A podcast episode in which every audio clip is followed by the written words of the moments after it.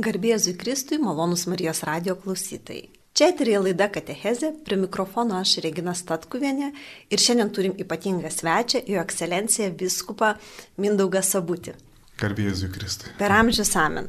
Šiandien kalbame apie nuodėmės, apie didžiasias nuodėmės ir šiandien kalbėsime apie pavydą. Bet prieš pradėdami kalbėti apie pavydų nuodėmę, ekscelencija, gal galit apibriežti bendrai nuodėmę savoką, kodėl svarbu ją suprasti, nes kai kurios nuodėmės mūsų visuomeniai tampa tokios tarsi relatyvios, nu, pavydas, pavyzdžiui, tikrai, nu, galiu pavydėti, niekam nekenkiu ir, ir ten su to pavydu sėdėti namuose sėkmingai.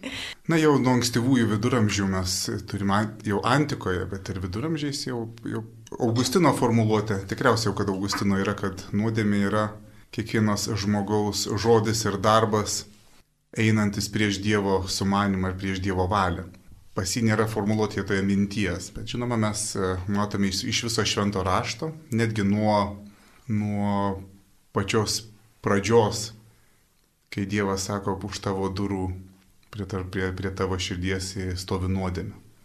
Ir, ir e, kada perspėjo jį e, kainą, kada perspėjo, kad tu, tu esi greta, greta didelės nuodėmės, Taigi nuodėmė yra visa mūsų, mūsų esybė. Aš jau kalbu kaip liutaronas, Romos katalikų teologija šiek tiek gali būti niuansų. Ir, bet e, mes suvokiame, kad nuodėmė yra tas mūsų kūno, sielos, mūsų esybės prieštaravimas Dievui, nusiteikimas prieš Dievą. Ir, o kaip, kokia nuodėmės forma, kaip jinai atrodo, mums šventas raštas mus ir moko, kad mes atpažintume. Už tai turime įstatymą. Įstatymas, kur mes pažįstame Dievo valią, kaip Dievas nori, kad mes su juo bendrautume ir gyventume jo akivaizdo. Ir kaip Dievas norėtų, kad mes vienas su kitu bendrautume ir gyventume. Bet dar daugiau Kristuje mes matome, dar, dar daugiau. Ir jeigu Senojo testamento įstatymas labai aiškiai pasako, nedaryk to, to arba nedarysi to, to ir ano, bet nekalba apie širdį. Jėzus kalba apie širdį. Ir sako, jeigu pažiūrėsi ir užsigeisi, tai jau yra nuodėmė. Jeigu perspėjo judą, perspėjo kitus ir visuomet, kad tai yra, yra labai e, susiję ne tik su mūsų veiksmais ir žodžiais, bet ir su mūsų mintimis ir visa širdies nuostata. Taigi nuodėmė yra mūsų esybė, e, esybė pripildžiusi, negaliu sakyti substancija, bet mūsų dalis, kuri kovoja kiekvieną dieną nuo ryto iki vakaro, dieną naktį kovoja prie prieš Dievą. Nors mes norėtume apie save ir krikščionis galvoti, kad mes, e, mes kitokie esame, tačiau, kaip Liuteris sako, krikšte senasis Adomas miršta, bet problema ta, kad Adomas moka gerai plaukti ir jis iš to krikšto vis išplaukia. Senasis Adomas ir vis duoda kasdien apie save žinoti. Taigi, o kai, bet nuodėmė, žinoma, yra visa tai, kas susijęs su Dievu, iš Dievo atėjo įrašyta Įstatymas įrašytas širdyse, įstatymas yra duotas, viskas yra pasakyta. Jeigu mes Dievą nužudome, žinome, tada nuodėmės ir nebelieka, koks tas nužudimas, žinoma, netikroviškas, tačiau nu, Dievo mirtis yra mirtis, jo mirtis mūsų kultūroje ar mūsų namuose, mūsų širdyse, kada mes jo vardą panaikiname ir gyvename tarp, tarytum jo nebūtų arba netgi supykstame, kai kada, kai jis minimas yra. Žinoma, tuomet nuodėmės nėra. O ar tai yra toksai nužudimas kaip Nyčias, kad Dievas mirė, ar koksai, nežinau, bitlų, ar kokio šau pasaulio, ar politikos, tai, yra, tai jokio skirtumo nėra. Palyginot labai gražiai, kad Senajame testamente buvo labai aiškiai pasakyta, o Jėzus kalba širdimi. Ir tikrai šio laikiniam žmogui galbūt yra suprantamesnis tas Senasis testamentas, dešimt Dievo įsakymų, kur labai aiškiai pasakyta, nežudyk, nevok. Ir, ir viskas aišku, kaip ir kodėl tai blogai ir, ir, ir, ir viskas. O Šiandien kalbamės apie pavydą ir iš tikrųjų tai yra, nu, jausmas gali būti tiesiog einu, pamatau gražų automobilį pavydžiu ar pavydžiu, nežinau, vyrui ar žmonai pavydžiu. Ir, ir tai yra tiesiog toks instinktyvus jausmas ir, sakytume, žmogiškas jausmas. Su pavydas labai sudėtingas reikalas yra. Ir ne veltui jis atsirado. Liuteronų bažnyčiai mes net e, nesilaikome klasifikacijos didžiųjų ar mažųjų nuodėmė ar mirtinų, nemirtinų, suvokime, kad visos yra vienodai mirtinos, tačiau reikia pripažinti jau nuo Grigaliaus pirmojo, taigi jau ankstyvoje krikščionybėje tokių sunkiųjų nuodėmių klasifikacija vyko, jinai, jinai vystėsi tai ir, ir dabar žinome, kad pavydas užima garbingą trečiąją vietą. Taigi bronzos medalis tame septynetuke tokių nuodėmių ir neveltui, nes iš jo kyla begalė visko. Ir tai yra labai klastinga nuodėmė. Ir pati beprasmiškiausia iš visų, kokių, iš visų nuodėmių kadangi visos kitos nuodėmės ar mums gerai suvokiamos, ar ne mažiau, tačiau juose yra bent kažkokio džiaugsmo, malonu, Iliuzija, ma, malonumo kažkokia. pažadas yra. Pavydė nėra jokio džiaugsmo. Kai žmogus, pavydėdamas žmogus jau gyvena pragarė jau dabar. Nes jeigu žmogus eina vokti, jisai turi įsivaizdavimą, kad jis kažką turės arba, arba, arba ir visi kiti dalykai yra su kažkokiu tai įsivaizdavimu, kad kažkas bus gero. Pavydę nėra jokio gero rezultato. Ir kas yra pavydas, koks apibrėžimas? Šventajame rašte mes skaitome, kaip Dievo, Dievo žodis mus moko džiaukitės su besidžiaugiančiais, liūdėkite su liūdinčiais arba verkite su verkiančiais. Taigi pavydas yra viskas atvirkščiai man yra, jeigu mano artimui sekasi, man tuomet yra labai liūdna, kai mano artimui nesiseka, tai e, man visiškai kaip ir džiugu yra. Tai yra apver, apverstas pasaulis toksai. Ir dar vieną tokį pasakymą yra tekę girdėti, nežinau ar teisingai iš anglų kalbos e, vertimas būtų, bet sako, kai mano draugui kas nors e, labai stipriai pasiseka, mano dalis mano sielas tarytum numiršta. Tai yra toks e, kančia tokia. Ir būtent Bet reikia pastebėti, labai, labai dažnai yra susijęs su artimaisiais žmonėmis, su tais, su kurie, kurie yra šalia mūsų darbe, gyvenime. Taigi ir tai yra labai klastingas dalykas, nes jis apima visą mūsų gyvenimą. Bet gal šiek tiek paprieštaraučiau, yra skiriamas baltas ir juodas pavydas. Ir kartai žmonės, nu, tie, ką jūs kalbat, kad va, tikrai jau mano artimui sekasi ir aš kenčiu, tai jau būtų priskiriamas prie juodo, bet baltas pavydas, žiūrėk, kaip jam sekasi, galiu ir aš. Ir aš taip stengsiuosi ir, ir man bus gerai, ir aš taip mokysiuosi. Ir tėvai netgi vaikus labai skatina, žiūrėk, ten tas yra nas, koks sėkmingas gali tu būti. Ir per tą pavydo skatinimą žmonės galvoja, kad jie visai gali tapti sėkmingi. Tai kur tas kelias veda, koks tikslas viso to yra ir kas yra sėkmė. Tai yra irgi iškreiptas e, mūsų supratimas apie patį pasaulį. Ir jeigu aš galvoju, kad štai šalia yra žmogus sėkmingas arba aš esu nesėkmingas, yra, jau, jau yra didžiulė problema. Viena yra, ką jūs sakote, turbūt galime sutikti, jeigu matome, kaip žmogus triūsia ir pasiekia rezultatą, kaip ir sakote. Ir aš daug, daug tokių žmonių pažįstu. Ir aš ir pasakau, kad žmogus įdėjo kažkokią jėgų rytą, kai niekas, pavyzdžiui, netiki žmogumi, kad kažkas pasiseks, jisai rytą, dieną, naktį dirba, triūsia, štai pasiekė kažkur, na, aš galiu pasakyti, aš tau pavydžiu tau tokio įsitikinimo ir jėgos ir tai yra turbūt toks, kai sakome pavydžiu, mes irgi norėtume tokių savybių turėti. Ir tai gerąją prasme. Tai įgauna kitą prasme. Kita prasme yra. Kita prasme. Bet Džiaugiuosi už tave turbūt. Taip, tai, va, tai čia džiaukitės su besidžiaugiančiais.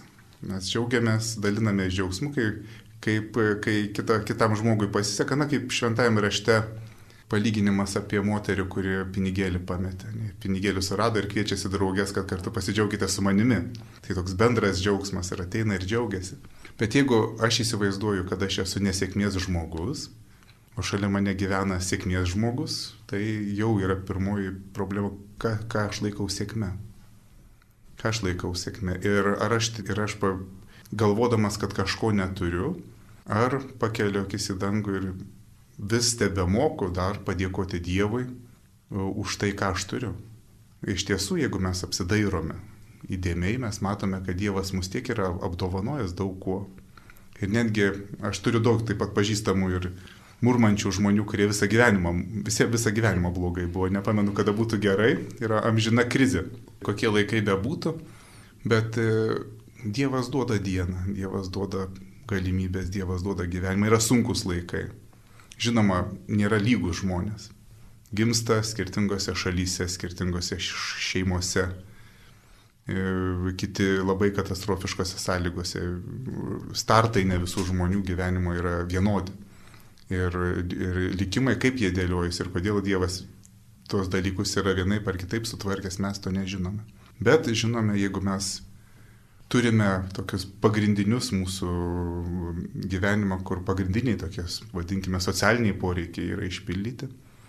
Mes turime tik tai Dievui dėkoti. Ir kuo mes labiau, kuo mes daugiau išmokstame dėkoti ir pamatyti, kiek Dievas mane yra apdovanojęs, tuo aš labiau moku džiaugtis ir kitų žmogumi.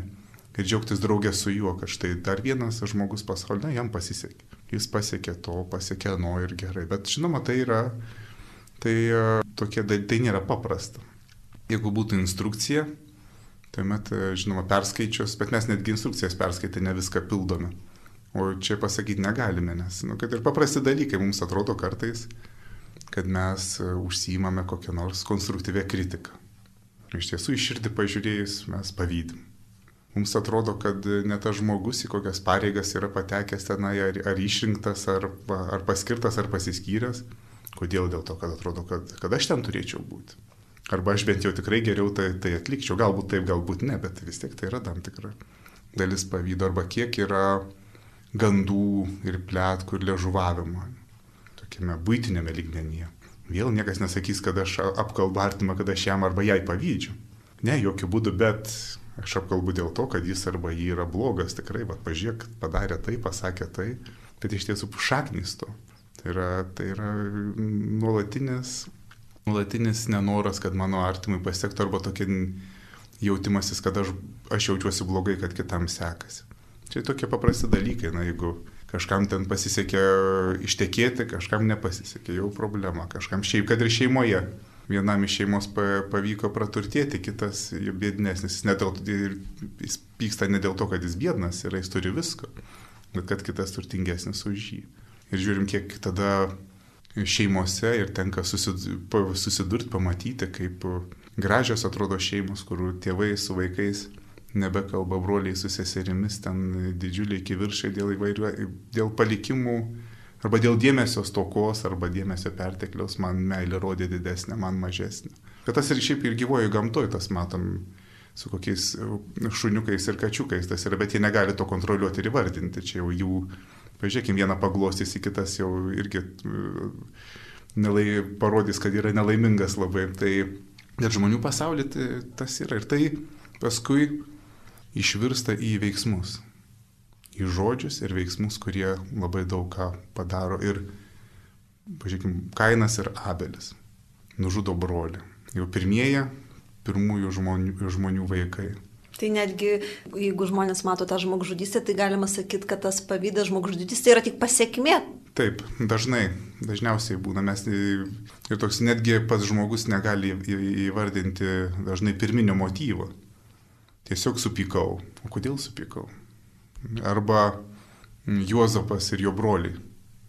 Broliai atiduoda savo, e, savo brolį į vergovę parduoda, atiduoda. Dar meluoja broliui, kad, kad tėvui, kad kad jis ten pražuvo. Vėl kas pavydas tėvo dėmesio. Dovydas ir, ir Baršeba. Vėl kodėl Hetitas turi gražią žmoną, kodėl nors jis Dovydas turėjo žmonių ir žmonų ir sugulovų, vis tiek reikėjo būtent, būtent to, ko širdis jo troško, jis tuo metu negal, negalvojo apie nieką. Vėl ir arba tokia paslap, paslaptinga asmenybė Judas, kas jo širdį buvo, kur ten ar nusivylimas, ar pavydas, ar pyktis, kiek ten sumiš, sumišusių dalykų buvo. Ir pat, pati piktoji dvasia. Mes, tai, yra, tai yra būtent pavydo dvasia ir iš Senojo testamento mes suprantame ir visą mūsų krikščionišką tradiciją. Mums tai toks įsivaizdavimas mūsų ir turbūt tikras yra, kaip ir yra, kad, kad nu, norėjo būti angelas, kuris norėjo būti lygus Dievui. Pavydėjo Dievui jam priklausančios garbės ir nupolio. Tai yra pačia nuopolio, pavydas pačioje nuopolio širdyje ir pačioje esmėje. Ir už tai tai yra klastingas dalykas, nes neturi išaiškos tiesioginės. Nes na, negali žmogui pasakyti, jeigu žmogus tylės ir nieko nesakys, kad jis pavydė. Tai Tai atrodys, kad jisai labai gerą linkintis. Ką, ką, ką, gerai, jis gali net gražiai pasakyti ir viską, bet jo širdis plyšta. Ne? Ir taip labai dažnai būna. Sakyt, kodėl nuodėmė vis dėlto pavydas, aš suprantu ir klausytojai turbūt labai aiškiai suprato, kad pavydas virsta gali virsti labai baisiais dalykais jo pasiekmes. Na, bet jeigu žmogus tą pavydą, nu, va, taip ir, ir gyvena tame pavydė, Ar tai pražutinga jam pačiam, ne tik aplinkiniam? Pražutinga dėl to, kad išsikreipia santykis su Dievu. Pirmiausia, kas yra Dievas jam tada. Ir jeigu, tai žinoma, tu gali gyvenimą nugyventi, kaip kažkas yra sakęs, jeigu, jeigu tylėsi ir nieko nedarysi, tai tavo žodžiai niekuomet neskirs nuo, dar, nuo darbų. Tai galima taip, taip galima gyventi. Ir, ir, ir būti teisiam. Ir, ir būti teisiam tuomet. Bet kur, kur širdis? Ir jeigu aš sakau, tėvė mūsų malda, tai tėvė, tu mano tėvas esi ir to, to žmogaus ir aplinkui gyvenančių žmonių tėvas. Kasdienės duonos prašau, mums duok. Kai tėvė mūsų malda, mes visur esame, mums duok šiandien mums kaltės atleisk. Ir tai yra gyvenimas, gyvenimas tarp žmonių. Ir kur tada aš atmetu tėvą ir aš pasakau tėvę, kaip tas supykęs sunus e, iš sunaus palaidūno palyginimo. Aš čia šalia tavęs, o aš čia nieko, o negaliu net pasidžiaugti su draugais. Net, o, ta, o tas pasiklydęs e, prapolės sunus pražuvęs, kuris turtą išvaistė, tu jį myli labiau. Ir jeigu aš taip gyvenu, aš iš Dievo meilės nieko ne, ir mano gyvenimas eina diena po dienos, Jisai vis tiek patinka mums ar ne, jisai turi pradžią ir turi pabaigą. Ir eina prie kažkokio finalo ir tas finalas, kai mes Dievo veidą rėgėsim ir ką mes jam sakysim. Tu manęs, manęs nemylėjai, ką Jėzus sakysim, tu manęs nemylėjai, nors jis už mus ant kryžiaus numirė ir dėl mūsų prisikėlė. Štai krikščionybė yra ne tik ko nedaryti. Svarbu yra, ką aš kaip krikščionis turiu daryti. Ir pirmoje lietuviškoje knygoje, kuri yra Martino Mažvido katekizmas, kuri yra ir Martino Liuterio katekizmas, tik tai mažas, tik tai lietuvių kalba. Ir mes mokinamės ir mokiname iki šiol ir, ir apie pavydą, kur devintas ir dešimtas Dievo įsakymai, negeis savo artimo namų arba negeis savo artimo žmonos vyro tarno tarnaitės gyvulių ir nieko kito, kas jam priklauso paskaitysiu komentarus. Pas, jie, jie, labai, jie labai trumpi yra po vieną, po vieną, po du sakinius pas mus. Mums reikėdavo savo laiku mintinai išmokti įsakymą ir ką tai reiškia. Negeis, devintas įsakymas, negeis savo artimo namų. Mes turime Dievo bijotis ir jį mylėti, kad savo artimo palikimo arba namų netykotume užgrobti klasta ar pasisavinti tariamą teisę bet stengtumės jam padėti juos išlaikyti. Ir dešimtasis, mes turime Dievo bijotis ir įmylėti, kad savo artimo žmonos vyro ar jo šeiminos neviliotume, jo gyvulių nesisavintume, bet stengtumės, kad visa pasiliktų savo vietoje ir atliktų, kas pridera.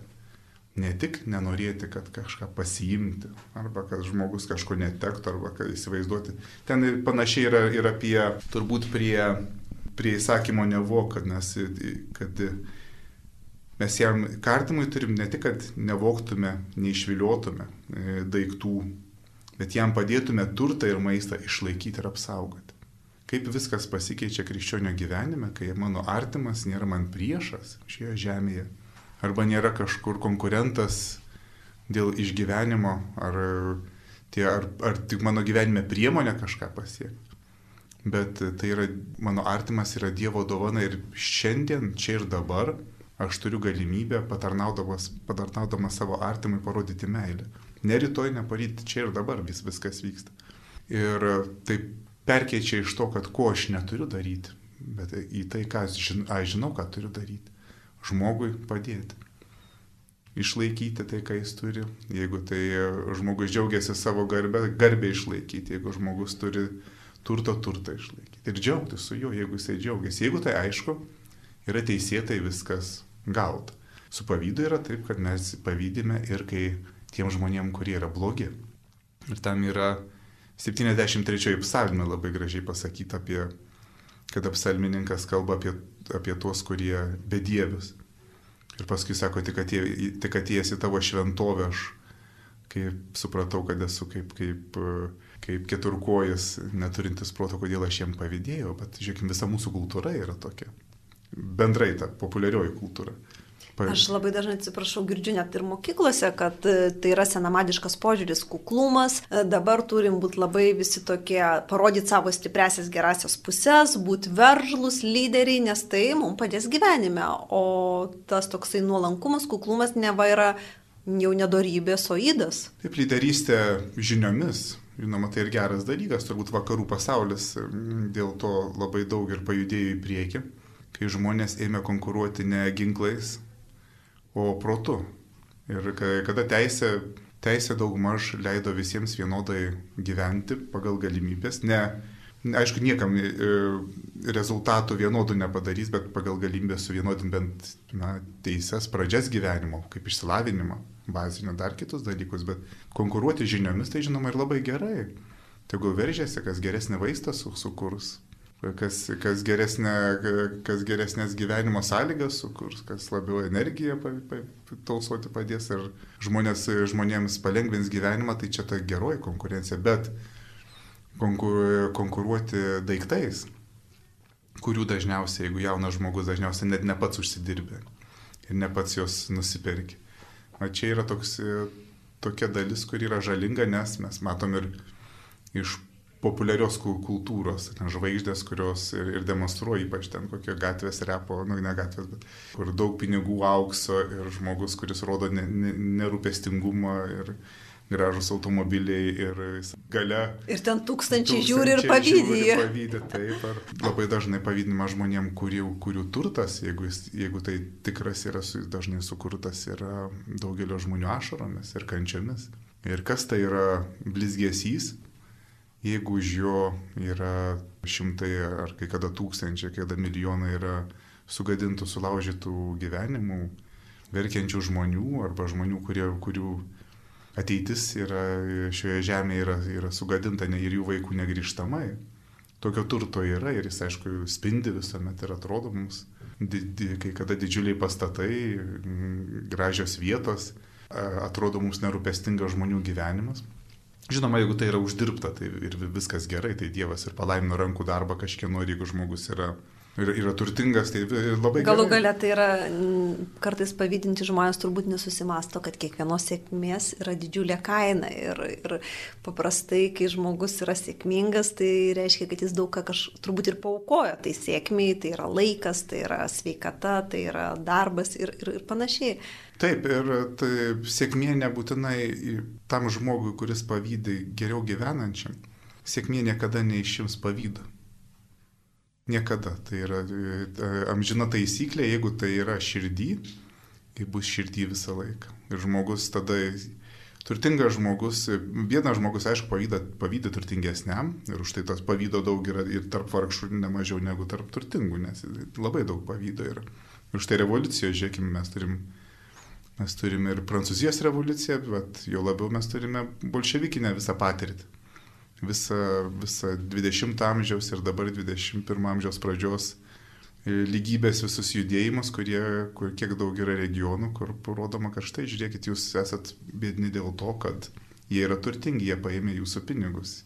Išsidalinkime, tai aišku, tas pavydas, pavydas labai skatinamas yra, bet žmogus, kad ir jis, tas, kuris gyvena pavydę, jis pavydė ir gyvens, kai viską turės, nes bus geriau turinčių, bus... Arba Jaunesnių, bus, gražesnių. Arba bus žmonių, kurie, kurie gyvena visiškai alternatyvų gyvenimą ir kurie, to ne, ir kurie tuo nesirūpina. Ir žmogus, kuris dirbęs po 25 valandas per parą, po 30 gyvenimo kokiu metu to darbo, jis kažką 40, jis kažką pasiekęs žiūrėsi tą, kuris gal nieko daug nedirba ir pavydės tam, kuris, ne, kuris neturi ko prarasti, o šitam reikia viską tiek, tiek, daug, tiek daug išsaugoti. Ir už tai turime mes ir matom, kiek žmonių ir pakeičia savo, tie, kurie suvokia nerimo priežastį, kaip pakeičia savo gyvenimą. Žiūrėkim, kiek žmonių ir turtingų viską sustabdo, iš, iškeliauja kur nors į gamtą ir kur nors į vienuolyną. Tiesiog viskas e, supranta, kad iš šito gyvenimo pavalgė, atsikandė ir tai, tai būna. Ir prisimenu, prieš 20 metų Šveicarijoje teko matyti, nežinau, ar ta vieta tebėra, net neatsimenu pavadinimo, tačiau teko pabuvoti ten ne, kažkur netoli Italijos sienos, turbūt regione tame. Ir tokia kaip rumšiškės. Lietuviškos yra tik tiek, kad apgyvendintos. Ir nameliai, kuriuose nėra jokių patogumų. Na gal šiandien internetas yra, prieš 20 metų jo ir taip, kad per daug nebuvo niekur tai ir upė. Ir norint į, to, į, tai, į, į tą namelį trobelę patekti, turi upę perbristi, kitaip nėra nei tilto nieko. Ir pasirodo, kad tos rumšiškės nėra etnografinis muziejus, o ten gyvena žmonės. Žmonės, kurie, bet turbūt, aišku, ne, gal ir ne patys bedniausi, turbūt, jeigu jie tokie, o gal ir, to, gal ir tokie žmonės, kurie dirba reguliarius darbus, kurie, kurie tiesiog kiekvieną rytą brenda per upę į darbą ir sugrįžta, sugrįžta, aišku, su, su, su, turbūt sunešiojimais kompiuteriais, su visko, kas reikalinga, su pirkiniais, perbrenda upę atgal į, į, į vietą, kur nepamenu, ar gal elektra yra dabar, jau, jau seniai tai buvo, bet šitas pasiryžimas atsitraukti nuo visko. Ir gyventi, kuriant visuomeniai, neatsiskyrėlišką gyvenimą gyvenant įmonėse, įstaigose, ten, kurie biurose dirba, bet kartu žinau, suprasti, kad aš pasirenku gyventi štai tokį kuklų. Na ir jis ir kuklus, ir nekuklus, turbūt reikia tam tikrų irgi resursų turėti tokį, turėti tokį gyvenimą gyventi, bet pasirinkimas tiesiog gyventi už šurmulio ir daugiau dėmesio skirti savo kūnui, savo sielai, savo pačiam savo tam tikram gyvenimui. Negalvoti tiek apie kitus, o galvoti apie save ir apie Dievą. Sakyt viskupė, bet pavydas yra ne tik tai toks so, tarp, socialinis reiškinys tarp žmonių, kurie dirba, užima įvairias pozicijas, turbūt ir šeimose, kaip ir pradžioje užsiminė, tarp brolių, seserų, tarp vyro ir žmonos irgi gali būti pavydas. Arba pavydas, nežinau, yra vyrų, kurie pavydė, kai jo žmona gražiau pasipošia, arba yra moterų, kurios tikrina vyrų kišenes kaip gimsta toks pavydas ir, ir kuo jis blogas? Ar jisai galbūt pagristas, nežinau, žmonės myli vienas kitą ir, ir turbūt jie taip argumentuoja tai, ir bijo prarasti. Ar, ar kaip? irgi tai turėtų, žinoma, Dievas irgi sako, aš esu pavydulingas Dievas. Ir, ir čia turbūt mes jau kalbame ne apie pavydą kaip nuodėmę, o apie, apie tai, kad kas man patikėtų arba kad man, man brangu ir išliktų brangu. Ir turbūt tai jau kita kategorija, galbūt mes žodžių tokių neturime, gal tai e, kada perauga, žinoma, kada perauga į tam tikras įtampas, tai čia galima iš bet ko įtampą sukurti, tai čia žmonės e, lengvai. Ir kada jau tokius galbūt į neteisingus santykius, į sudėtingesnius, tai aišku, žmonės jau turėtų tada ieškoti sprendimų kažkokių. Vis tiek tai jau, su, jau, jau ir jeigu tokie dalykai jūsų minėti ateina, vadinasi, yra sunku iš tiesų žmonėms gyventi bet pats noras išsaugoti ir nesidalinti kažkuo, tai yra natūralus. Kas yra brangu, tai yra namai, yra vaikai ir dėl ko, dėl ko ukrainiečiai šiandieną žūsta. Nu, tai, tai irgi galim, tai jie ne dėl to, kad pavydė savo žemės, bet dėl to, kad jie nenori, kad jų žemėje būtų tie, kam ta žemė nepriklauso, jie brangina tai.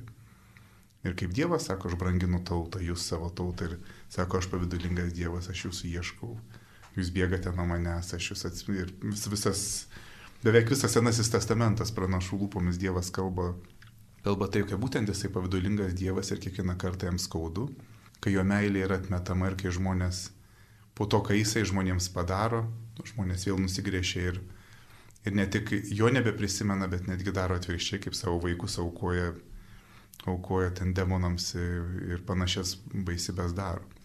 Bet čia turi būti visur turbūt vienintelis, mes, mes patys nei išsigydyti, nei suvokti pilnai negalime, mes yra vienintelis Kristus, kuris gali parodyti tikrą kelią. Ir kuo mes viešpaties labiau prašom, yra vaistai, iš dangaus kasdieną nešami, tai yra, yra jo žodis, yra jo sakramentai. Ir tai, tai, kas mūsų sielom reikalinga, kad mes suprastume, kad kur, kur aš esu. Ir kur mano jausmai, kur mano, arba jau matydamas gyvenime apgriautus dalykus, santykius, gal ir sveikatą, gal, gal ir kitų gyvenimus, kad patirčiau, kodėl tai įvyko. Ir kur aš tame buvau. Ir ar iš tiesų būtent nėra tai, kad aš kaip pirmųjų žmonių vaikai, kaip Kainas ir Abelis, ar nebus taip, kad aš pavydėjau kažkam. Ir nebūtinai tie grevimai gali būti fiziškai labai matomi, jie dažnai būna žodiniai. Sugriaunama kito žmogaus reputacija. Arba žmogus e, įvedamas į, į tokias ne, neįmanomas, sunkiai pakeliamas gyvenimo sąlygas, aplinkos sąlygas. Na, daug, daug yra būdų, kaip e, mes žmonės labai išrankus esame vieni kitiems pakengti. Yra mažiau būdų, kaip vieni kitiems galim padėti, vis galvojama, kaip galim padėti, pakengti labai greitai. Bet jeigu, jeigu tokie dalykai yra, mes turime e, atgailauti ir prašyti, kad pats viešpas parodytų mums mūsų širdį, kad ir žiūrėti į jį. Nes kaip ir raštas sako, jis atidavė visą save. Ir jis, nepasi, jis ne, nepasilaikė savo jam priklausančios garbės, bet priėmė tarno pavydalą, tapdamas panašus į žmonės. Taigi jis atidavė, atidavė visą save. Ir jis yra mums pats Kristus, mums pavyzdys, kaip mes turime. Ir jeigu mums, mums atrodo, kad mūsų čia per mažai kažkur, mus per mažai pamatė ir įvertino, ar aš čia turėčiau būti jau svarbesnis už kitus, ar, ar turtingesnis, ar dar sus, turime sustoti. Nes esame, mūsų tapatybė yra dangiškojo tėvo vaikai. Ir šitos tapatybės, kad svarbu, kad niekas, kad mes neprarastume, bet išmoktume dėkoti. Ir tiek turime dalykų, kad mes ir šiandieną daugelis iš mūsų turime tiek dalykų, jeigu pradėtume dėkoti už viską, ką turime, mums dienos, dienos neužtektų ir, o jeigu dar pasinaudoti, kiek galimybių Dievas duoda pasidžiaugti šiame gyvenime, mums irgi gyvenimo tikrai pa, šito gyvenimo per akis yra. Sakyt, viskupė, turbūt kalbant apie nuodėmės, kiekvienas iš mūsų turim nuodėmę, kuriai puolam dažniausiai ir, ir kiekvieno ta nuodėmė yra skirtinga. Kaip atpažinti tą pavydo nuodėmę savyje ir atpažinus, aišku, kaip su ją kovoti, nes, kaip minėjot, nėra, sakot, net neskirsto liuteronai nuodėmų į didelės mažas ir tada galima atrodyti taip šiek tiek ir, ir neviltis gali apimti, nes, nu, vis atpažįstu, tarkim, tą nuodėmę savyje ir atpažįstu ir, ir nebūtinai jinai pasireiškia tada, kai jau yra veiksmas. Tai kaip žmogui į tą taiką, į tą santarvę įeiti? Man atrodo, bet čia mano nuomonė, negalėčiau pasakyti, ar tai yra, ar tai visuotinis dalykas, ar tai receptas, koks būtų, turbūt ne, bet žmogui svarbu atpažinti, kokia yra nerimo priežastis. Ir kodėl pasakyti žmogaus žodžiai, kito žmogaus arba jo situacija, kodėl mane užgavo. Ir jeigu greitai, aš vieną ar kitą kartą, kadangi juk kartojasi mūsų gyvenime daugelis dalykų, nuo, pat vaikystės Tik tai gal pavydal, pavydalai kažkokie skiriasi, dažnai net pavydalai nesiskiria mūsų. Ir supras, kodėl, na, man pasidarė neramu, arba kodėl aš jo arba jos nemėgstu. Arba kodėl aš galvoju, kad aš geresnis esu. Na, arba kodėl tas žmogus mane erzina. Mes dažnai pamatysime, kad, kad esmė yra, kad aš nemėgstu, arba kai kada net nekenčiu noriu, kad jo arba jos iš vis nebūtų, nebūtų arba kad blogo kažkas atsitiktų. Visą tai veda į tai, aš į pavydą, į tokį į pirminę nuodėmių, turbūt vieną iš pirminių nuodėmių, daugelio nuodėmių priežasčių. Ir mąstyti, kaip aš galėčiau tam būti su to žmogum jo džiaugsme, arba jeigu jis vargsta jo varge, arba na, ir dalintis ir tiesiog. Ir, ir tai, tai yra įveikiama. Tai yra visiškai įveikiama. E, tik tai iš atpažinimas tai yra mąstyti, kodėl, kodėl, na tai reikia šiek tiek su savim padirbti. Žinoma, bet, e, bet jokių būdų ne, neimti savęs teisinti. Nes čia šalia yra irgi dušioje yra advokatas mūsų, kuris visada pasakys, na aš pykstu dėl to, kad jis arba ji yra blogas. Arba dėl to, kad ten matau, kad neteisėtai kažkas pareigas yra užėmęs. Arba neteisingai. Gyvenime turėtų būti viskas kitaip. Na kai tokie dalykai tai yra mes, bet mes prieš Dievą, sakykime, tai Dieve, ar tikrai, na, galų gale, mes melžiamės kiekvieną dieną tiesie tavo valia. Tiesie tavo valia. Ir, ir šiame pasaulyje turim pripažinti, kad aš nesu pagrindinis žmogus šiame pasaulyje. Ir kaip pasaulyje, kad ir kaip norėtųsi kitaip kai kada mums įsivaizduoti, ten, kur aš esu, ten, ką darau, aš esu, nesu nepamainomas ir pasaulis egzistavo gana seniai iki mano atsiradimo šiame pasaulyje ir lygiai, kai, jeigu žinoma, jeigu ne, nebus dabar Kristaus antro ateimo, kol mes šnekame, bet, bet, bet jeigu sulauksim mirties, iškeliavimo lygiai taip pat, užbers žemėmis, žmonės gyvens uh, toliau savo gyvenimus, antrą kartą jau pradės užmiršinėti mus, trečią kartą jau pamirš mūsų palaidojimo vietą, ketvirtą ir toliau žmonės gyvens gyvenimą. Šioje žemėje kaip yra įprasta ir mano tas, mano tas dydis, dėl kurio mano svarba šiame pasaulyje, dėl, kur, dėl kurio aš tiek daug nerimo turiu, labai ribota. Ir, ir tu užsimti tuo, kas yra dulkės ir pelenai, ir mūsų sielą pavesti būtent į, į, tokią, į tai, kas išnyksta. Vietoj to, kad glaustis prie amžinojo viešpatės, kuris išlieka amžinai ir kuris nori, kad aš su juo gyvenčiau jau dabar. Tai štai, va, ta, bet čia pamokos yra pamokos. O į kitą žmogų vėl, kuo galiu aš jam padėti? Tai yra Dievas, nes Dievas ne, Dievui nereikia mūsų nei vieno darbo. Nors mums mes įsivaizduojame, kad Dievui um, svarbus mūsų darbai. Dievas viską turi. Artimui reikalingi mūsų darbai, artimui reikalinga mūsų pagalba. Artimui reikalingas kai kada mūsų buvimas šalia, kai kada palaikymas. Ir daug būdų yra, kaip, kaip jam galim patarnauti ir tuo turime labiausiai būti susirūpinti. Nes ko Dievas ir nori iš mūsų. Ir jau visai baigiantis mūsų laidai, kalbantis apie nuodėmės, tęsim ir kitose laidose, apie kitas nuodėmės kalbėsim. Norėčiau paklausti, kuo gavėnios laikas ypatingas ir kodėl iš tikrųjų ir bažnyčiose vyksta rekolekcijos ir žmonės kviečiami mąstyti apie septynias didžiasias nuodėmės, kviečiami žmonės atlikti išpažinti, susitaikyti su Dievu. Kodėl gavėnė ir, ir kod, į ką kviečia gavėnė? Gavėnė kviečia, kuo trumpiau, tai prie pačio svarbiausio dalyko - pamilti kryžių. Taip pat pamilti Kristaus kryžių. Iš šlovės arba šlovės iliuzijų nėra pasaulyje jokios šlovės, aišku, bet tokio įsivaizduojimo šlovės ir galios iš savo, iš savo fantazijų pasaulio. Tai ten, kur yra esmė, kryžius, pamilti Kristaus žaizdas, pamilti jo ir iškiečių vainiką ir suprasti, kad jo auka yra dėl to, kad jis jūs mane mus, mus be galo pamilo. Ir ėjimas prie meilės ir už tai gavienės pati mintis yra ir suvokti, kad kas aš esu, kad aš esu būtent mes apie vieną iš didžiųjų nuodėmių, bet e, kalbėjom, bet aš turiu daug nuodėmių žmogus nešantis ir štai turiu gelbėtoją, kuris, kuris man šiandien šioje žemėje ir paskutinė teismo diena yra vienintelė mano viltis ir kuris mane tokį žmogų, blogą žmogų pamilo ir ką jis kentė, jo kančia turėjau aš kentėti.